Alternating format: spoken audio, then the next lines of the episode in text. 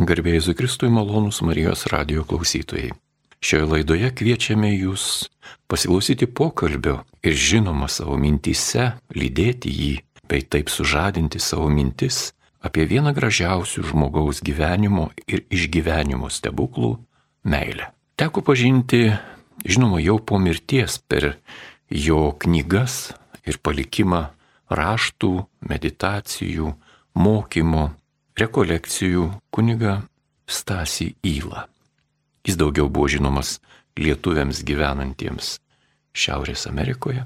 Bet šis žmogus kartu su Alfonsu Lipniūnu buvo įkalintas Štutgofo arba dabar vadina Štutovo koncentracijos lageryje ir liko gyvas ir išėjęs iš lagerio pirmą knygutę, kurią jisai parašė, pavadino Meilė.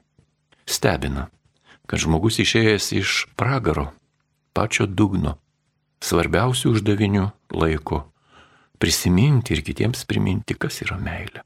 Ta knygutė, kas norės, galbūt ras, nors yra didžiulė retenybė. Išleista jį buvo 46 metų, berots Münchene, labai mažų tiražų.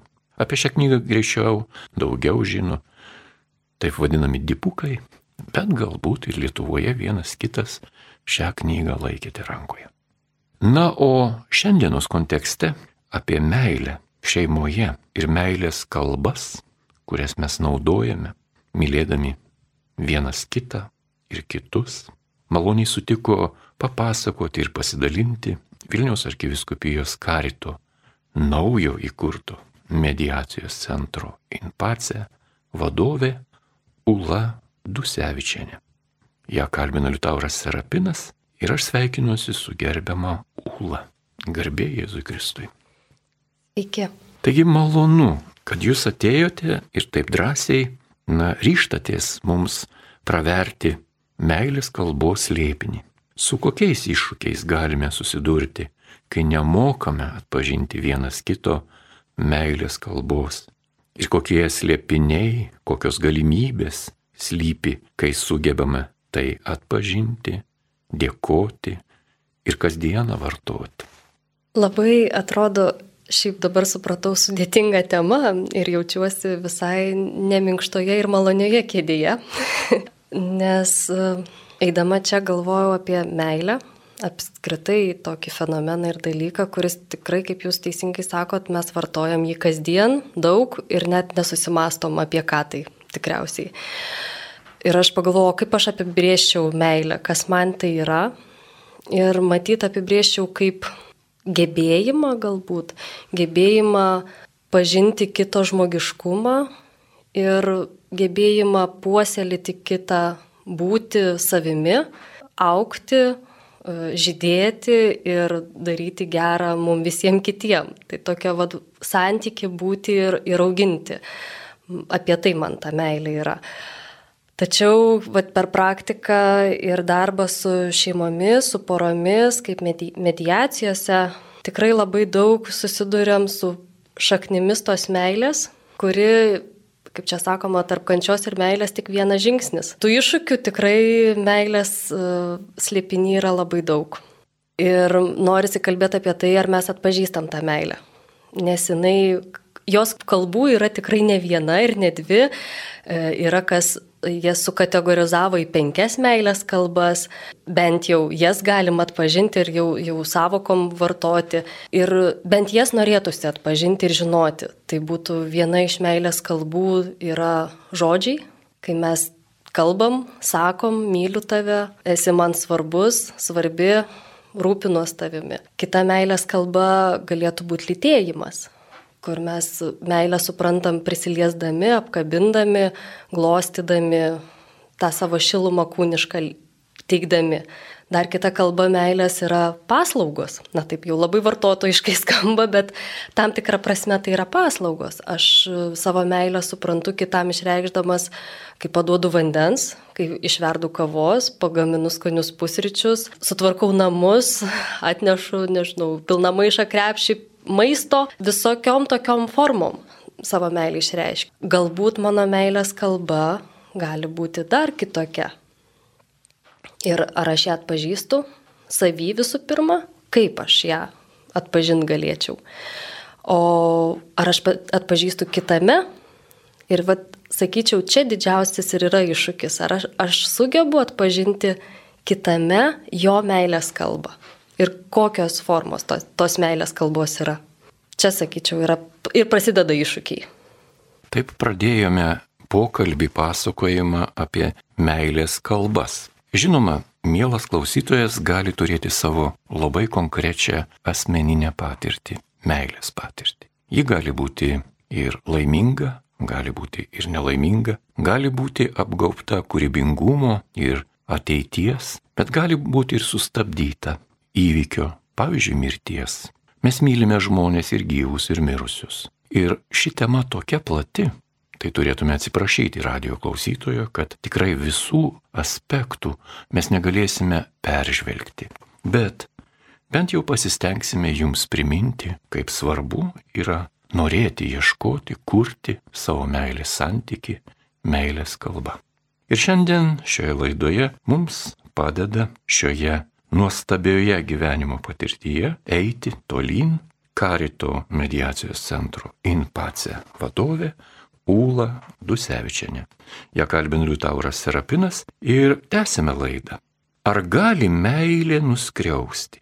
Ką galima būtų pasakyti apie besąlyginę tėvų meilę vaikui arba besąlyginę meilę vyrui, žmonai? Ką galima būtų pasakyti apie močiučių, senelių besąlygišką meilę, anukėlėms ir panašiai, būtent šiandienos kontekste, kai visai netoli vyksta karas, o mes gyvename sočiai, patogiai, turime puikias galimybės. Taigi, gerbiama Ūla. Taip, tas žodis besąlyginė meilė iš karto sako, tai viską atleidžiu, viską priemu, viską duodu, viskas galima, laisvė, beribė, nes aš tave myliu. Ir jeigu tai yra tokia laikysena ir taip suprantam, o dalis žmonių būna, kad taip ir supranta, ypač vaikams meilė, kaip aš jam kažko neleisiu, jeigu aš jį taip myliu, tą vaiką. Čia tikrai galim susidurti su dideliu iššūkiu, nes e, jeigu kalbam, pavyzdžiui, apie tėvų besąlyginę meilę, tėvų, kurie mano, kad jie besąlygiškai myli vaiką ir ta besąlyginė meilė pasireiškia būtent tokiu visako leidimu, atleidimu ir, ir beribių buvimu, dėja tai yra tik paviršius. Besąlyginė meilė, nemanau, kad tai yra visa ko leidimas. Besąlyginę meilę mes kiekvienas, manau, savį turim. Mums ją Dievas davė. Dievas mus besąlygiškai myli, tai mes kiek įmanoma irgi stengiamės taip mylėti. Tačiau tai yra apie tai, kad uh, manyčiau, kad tai turėtų būti apie tai, kad mes kaip žmonės, mes turim mylėti kitą, nepaisant jo žmogiškumo ribų. Mes galim suklysti, mes galim padaryti kažką netinkamai. Mūsų elgesys gali būti netinkamas, nes mes esam žmonės ir mes bandom dėl vienokių ar kitokių aplinkybių pasielgti, vis, visi norim tinkamai pasielgti. Nėra tokio, kuris nenorėtumėm to padaryti, nu, netinkamai elgtis ir būti vadinamais outsideriais, išmestais iš už borto, nes mūsų tada nemylės. Ne. Bet dėl vienokių ar kitokių aplinkybių mes vis tik esam žmonės ir mes žmogiškai tose situacijose kartais pasielgiam Ir labai svarbu, kad mūsų nenuteistų mūsų artimieji. Ir ta besąlyginė meilė, va tada ir pasireiškia, kad aš tave myliu nepaisant to, kaip tu pasielgiai, nepaisant to, kad, nu, tu gal ir pasielgiai netinkamai, bet mano meilė nuo to nemažėja tau. Mano rūpestis, mano, man, mano svarbumas uh, ir mąstymas apie tave nemažėja kaip žmonos, ar kaip mamos, ar kaip močiutės, ar kaip senelio, ar dar kaip kažko bet tai nereiškia, kad nėra pasiekmių elgesiui. Vat labai svarbu, manau, atskirti elgesį ir, ir, ir jo pasiekmes, kaip pavyzdžiui, jeigu su nuteistaisiais, jeigu žmogus kažką įvykdė netinkamo, tai jo reikia nebemylėti. Ar priimti kaip tik besąlygiškai, nes besąlygiškai myliu ir tu nieko nesikaltas. Labai kažkaip susivelia viskas.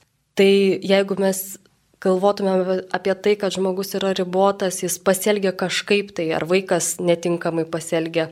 Ir tėvai, kaip mylintis besąlygiškai, padeda vaikui tiestis toje situacijoje, situacijoje krypti atrasti, judėti, aukti ir rasti, kaip reikia tinkamai judėti. Va čia yra, manau, besąlyginė meilė. Bet kokiu atveju aš tave priimu, aš tave matau ir aš stengsiuosi tau padėti aukti, tobulėti, būti matomu, būti laimingu. Ir kai žmogus laimingas, jis nevartos kito, jis padės ir kitam. Ir tai ta meilė dauginsis. Ir, ir, ir, ir, ir tai tik tai mes visi iš to busim, nu, lai, laimės daugės visame kame. Ir tada, tada mes galim atjausti ir kitą, negailėtis, bet atjausti ir kitą. Ar, ar tai yra baisios šiandieninės situacijos, ar tai yra gamtos stichijų situacijos, kur va irgi turim Turkijos regione, kur irgi daug žuvo ir, ir nelaimingų ir mes tada ką galvojam, nu bent paukosim pinigų, galbūt padėsim kažkiek iš to, kad esam žmonės, iš to, kad esam visi, visi rūpesti, visi rūpinimėsi, kažkiek gal ir baimiai, bet tame pačiame. Norisi dar šioje temoje likti keletą minučių ir užduoti tokį klausimą. Ar kai kalbame apie nuskriaudimą, mes galime kažkaip atsiremti į savo patirtį ir nekartoti, sakykime, tų patirčių, kurios mums buvo skaudžios, arba kitam žmogui buvo skaudžios, bet gal kažkaip prabėgom, tempas, įtampa, rūpeščiai, aklos akys, padumavę stiklai, neižvelgėm, tuo metu nepastebėjom, patirties neturėjom, buvom jauni ir ką kita. Ir ar galima nepakartoti tų klaidų, kurios neša skausmą. Tikriausiai kaip mes turėtumėm gebėti mokintis iš kitų klaidų, bet manau, kad kiekvienas mes nešam dar dalį ir savo, na, galim sakyti, ir kryželio, ar kančios, ar klaidų darimo, kurio neišvengsim. Tos pa... Būtų lengva labai tikriausiai, jeigu galėtumėm į lentynėlės sudėti visus algoritmus, taip nedaryk, o taip daryk, tokia pasiekmė bus. Mes nežinom nei vieno savo veiksmo pasiekmės labai aiškios. Mes galim numanyti procesą, bet koks rezultatas bus, na, ne mūsų valiui, manau, žinoti rezultatą, ypač santykiuose. Tai ne matematinis veiksmas, kurio atsakymas galbūt turėtų būti labai aiškus, ap, aiškiai apskaičiuotas. Tai aš galvoju, kad mes turim šiais laikais, vad ką turim, tai turim auginti samoningumą ir auginti dėmesingumą ir reflektyvumą savo veiksmams. Ką aš darau, kaip aš, pavyzdžiui, kaip aš kaip mama auginu savo vaikus, ar aš suprantu ir turiu žinių, kaip juos auklėti, auginti, kad jie užauktų tokie, kokių na, mes visi norim. Tai reiškia laimingi, sveiki, gebantis visuomenėje tinkamai elgtis, bet ir žinodam, žinantis ir savo ribas, bet ir neleidžiantis užlipti ant galvų galbūt. Ir tiesiog būnantis, augantis saugus ir laimingi. Tai man reikia tų žinių, nes mano auklėjimo stilius ir ta meilės forma gali labai nuskriausti. Jeigu aš esu autokratė mama, kuri nuolat nugalina savo vaiką ir sako, ne, nedaryk, neimk, nežiūrėk, ne, valgyk tada, kaip tau pasakiau, ką pasakiau, valgyk tą ir valgyk, kito negali, tai tai čia jau yra, na čia jau yra nugalinimas, čia yra skriauda. Arba aš galbūt ta mama, kuri esu labai liberali ir viską leidžiu, viską galima, nes aš tave labai myliu. Na vėlgi, vaikas neišmoks ribų, jis nežinos, kaip tame būti. O man pagal menulio fazę galbūt nuotaika negerai, aš tau visko nebeleidžiu staiga. Ir vėl aš nuskriaudžiu tą žmogų mažą, kuris nesupranta taisyklių, nesupranta, kodėl mama vieną leido, kito neleido. Tai tų žinių mums reikia ir kiek su tėvais dirbame ir tėvystės mokymus vedame, tai Ir man pačiai asmeniškai tai yra, vad, dėmesingumo mums labai reikia. Ir tada, kai dėmesingumas, žinios ir galimybė suprasti, kas tam santyki, toj meilės, kad ir poroje, kai aš suprantu meilės kalbą kito, aš kito, aš turiu atpažinti, gal mano vyro meilės kalba yra paslaugų ir aš galbūt atpažindama, kaip mane myli, atreaguodama, padėkodama vyrui, kad aš matau, kaip tu mane myli nes mums kiekvienam norisi būti matomam. Ir jeigu mes atpažįstam tai ir pasakom, aš matau tave, aš matau, kaip tu manim rūpinas, rūpinėsi, ačiū tau, kitas tik pradės žydėtame. Be abejo, aš noriu, kad ir mane pastebėtų, tai norėčiau, kad ir kitas tame augintų ir mane ir, ir tada tai dar, darna tik auks. Bet tai daryti reikia nuolat, mokinantis ir tada skriauda bus mažesnė. Manau, mes esam pakankamai intelektualiai paaugę kaip žmonijoje, kad galim tai sauliaisti ir turim tame dirbti. Tęsime laidą, kurioje šiandien apie meilės kalbas dalinasi Ula Dusevičienė. Ją kalbina Liutauras Serapinas ir kartais mes matome gyvenime tokius pavyzdžius, ypatingai kai žiūrime į šeimas, jog šeima susideda iš labai skirtingų pažiūrų asmenų. Vyras, sakykime, turi poleikį ir išprusimą, ir kažkokį kultūrinį palikimą, ir, ir tą vadinamą etninį, ir tautinį, net ir religinį vienokį. O žmona turi kitokį. Ir jie vis tiek gyvena, jie vis tiek myli. Nors tai pažiūrėjus, kartais stebimės ir sakom, na ši, iš šitų tai tikrai nebus kažkokios vienybės. O kartais tenka labai nustepti. Tie skirtingi žmonės, jie vienas kitą labai sugeba vesti į priekį, papildydami, motivuodami, praturtindami. Ar tikrai tai yra ir kokia yra šių žmonių meilės kalbos patirtis? Tikrai yra tokių žmonių, kurie turėdami atrodo iš esmės visiškai skirtingą matymą pasaulio, vertybiškai visiškai skirtingą, gal net ir ne tik vertybiškai, bet ir dienos ritme būtyje jie labai skirtingai daug ką daro. Bet jiem tas žmogiškas skirtingumas nesukelia jokio, jokios įtampos. Ir tokios poros jos tikrai yra be galo laimingos, nes jos visų pirma nekeičia vienas kito. Jeigu mes einam į santyki ir su lūkesčiu pakeisti kitą taip, kaip man reikia, tai santykis pasmerktas sunykti.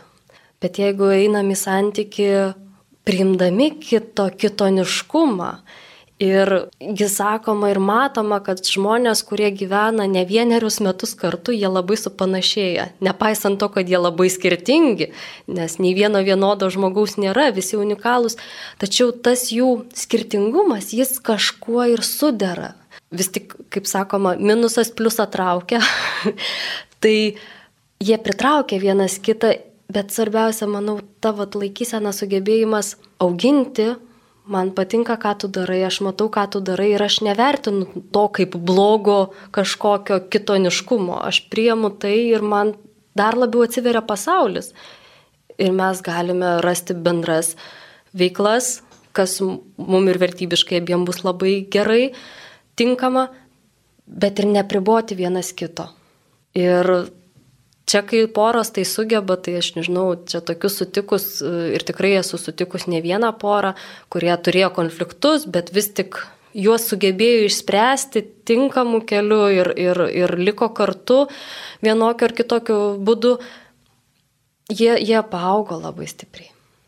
Jie tikrai labai tiek dvasiškai, tiek, tiek fiziškai visom prasmėm jie labai paaugo ir jie tikrai praturtėjo priimdami kito kitoniškumą. Nes nežinau, ar yra kitas kelias nepriimti.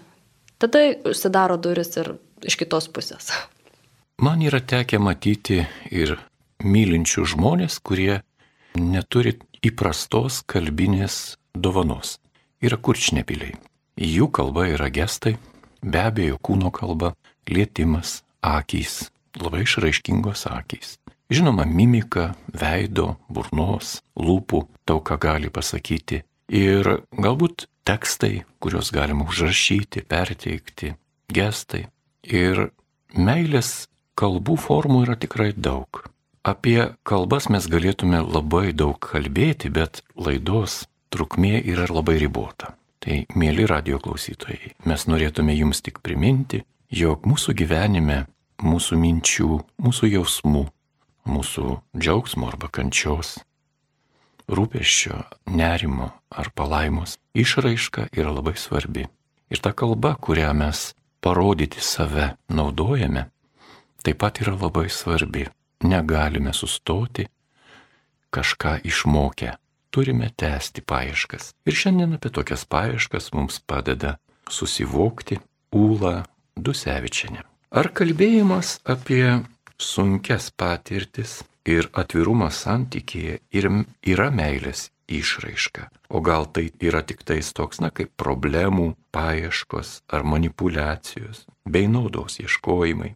Pavyzdžiui, grįžęs po darbo namo vyras arba grįžusi moteris, kuriai visą dieną buvo pilna nesėkmių, įtampos, rūpeščio. Vietoj palaikymo ar paguodos gauna dar priekaištų laviną kaip ji vėlai grįžo, arba kaip jis vėlai grįžo, kaip jis nepadeda šeimai, kaip jis visą save aukoja įstaigai, organizacijai ar bažnyčiai, kaip jis ten visą save išsikloja, o namo pareina tik pailsėti, prisipildyti, nieko neduodamas. Ir panašiai. Aš pateikiu tik galbūt vieną iš tokių formų, kuri yra tikrai būdinga ir turbūt kiekvienas žmogus apie tai yra girdėjęs, o galbūt net ir dalyvavęs tokioje meilės išraiškoje. Kaip iš šitos situacijos išeiti?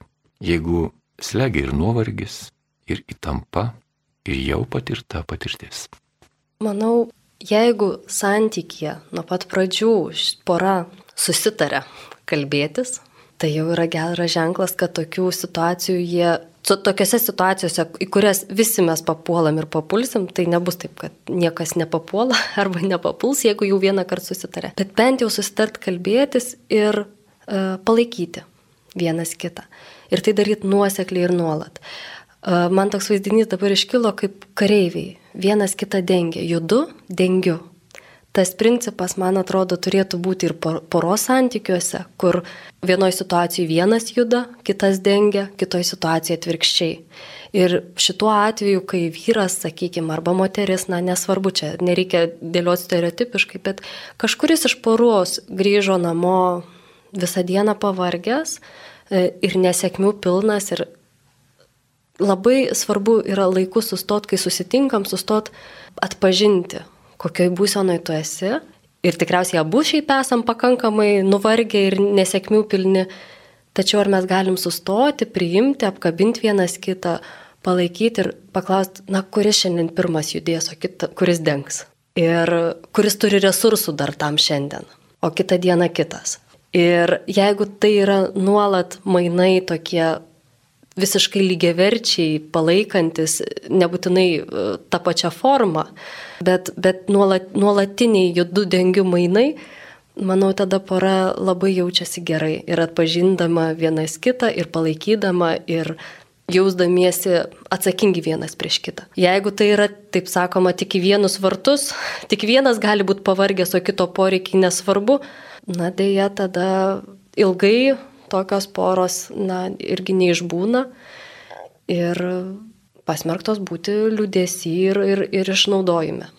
Panaudojate žodį tokį stiprų - išnaudojimas. Tai toje kalboje, meilės kalboje gali būti, na, tam tikri siekiai, kėslai netgi, negatyvūs kėslai pasinaudoti, išnaudoti. Išnaudoti savo geresnę padėtį situacijoje, pasinaudoti savo didesnę patirtimi arba mažesnių nuovargių.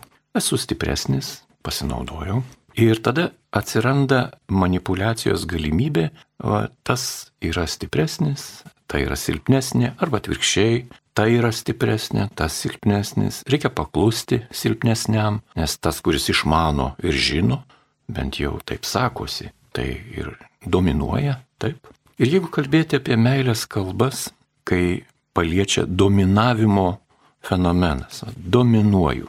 Turiu daugiau patirties, esu turtingesnis, mano darbas geresnis, aš stipresnis, mano intelektas aukštesnis, ten dar kažkas kultūriškai ir taip toliau ir taip toliau.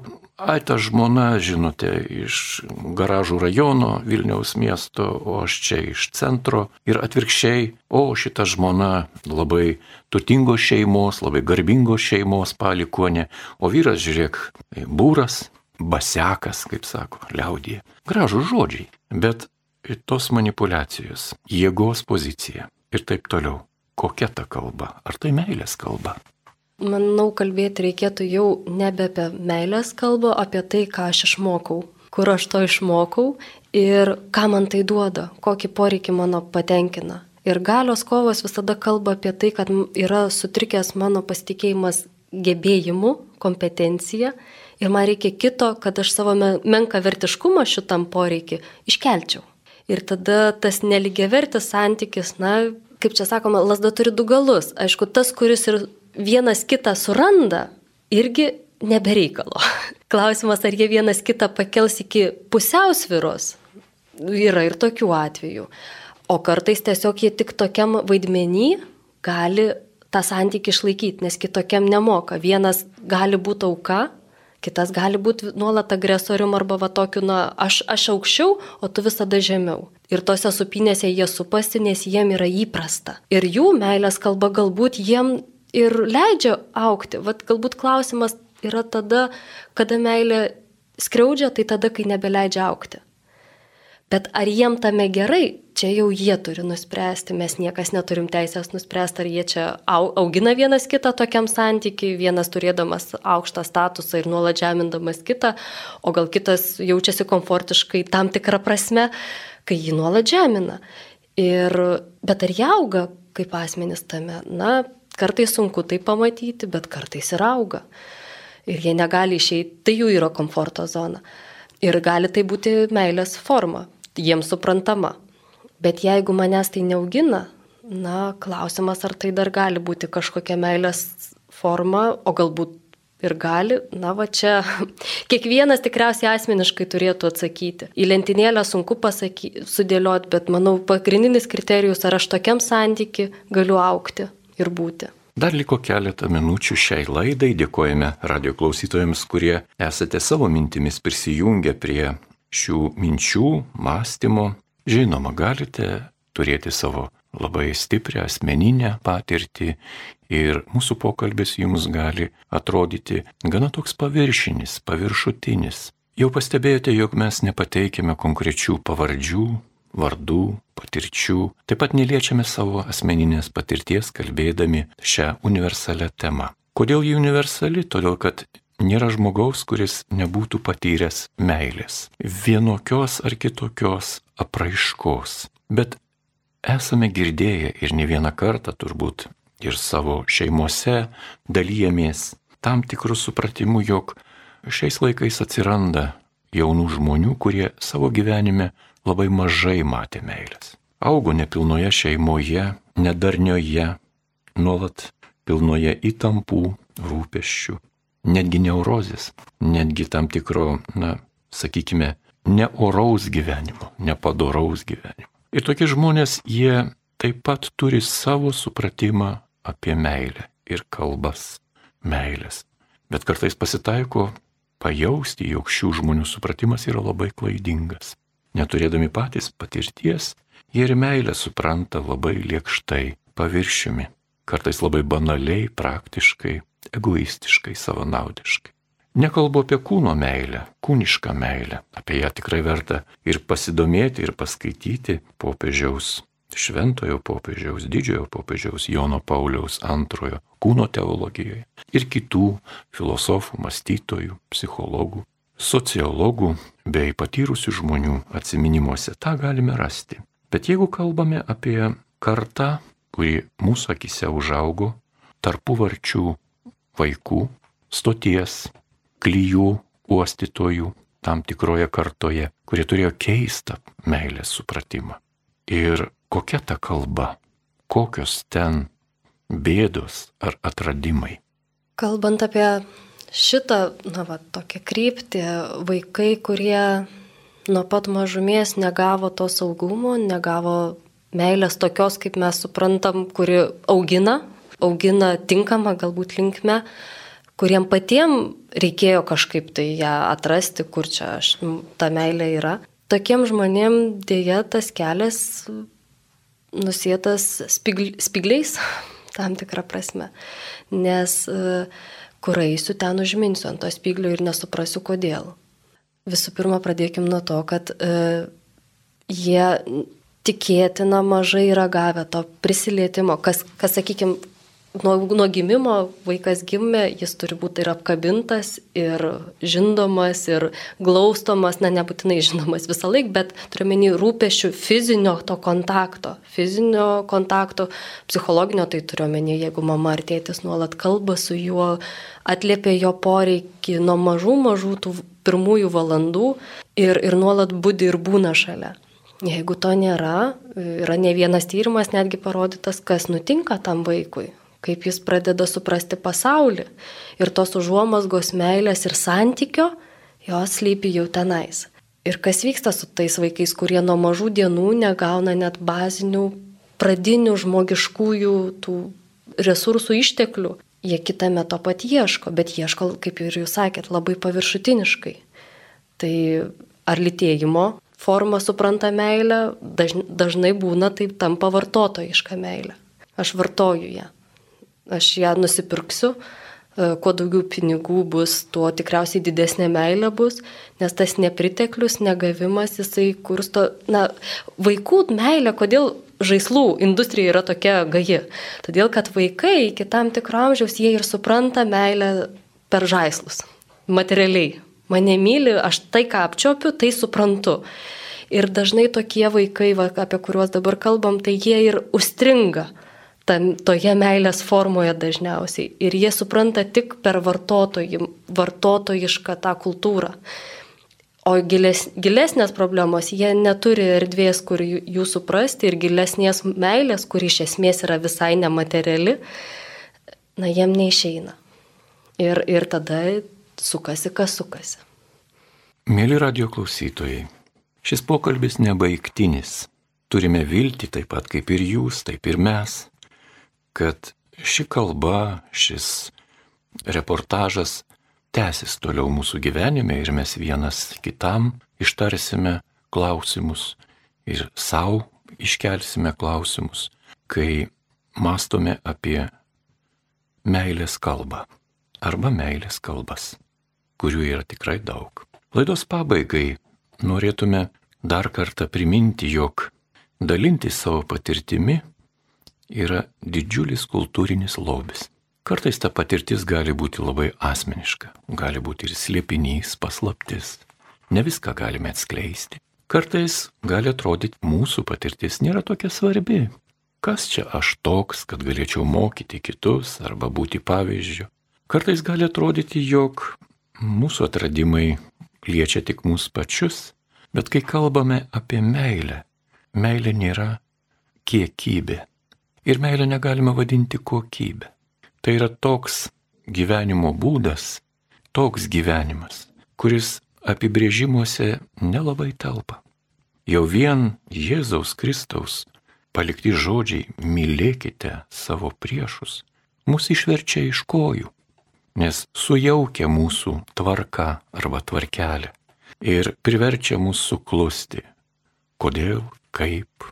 Galbūt ši laida duos impulsą ir jums, grįžus į namus po darbo, savo mylimai žmonai arba mylimam vyrui, mylimiems vaikams, mylimai tetai, dėdenai, močiutei, dėdukui, kaimynui, pasakyti šį kartą daugiau apie save, savo kalbą, meilės kalbą. Taigi, gerbiama Ūla, kaip užbaigtute šią laidą? Mylėkime, būkime mylimi, priimkime kitą, atpažinkime kitą ir aukime kartu. Mėly radio klausytojai, šiandien jūs girdėjote laidą, kurioje apie meilės kalbas pasakojo Vilniaus arkiviskupijos karito mediacijos centro Inpace vadovė Ūla Dusevičianė, ją kalbino Liutauras Sarapinas, linkėdamas ir toliau likti su Marijos radiju.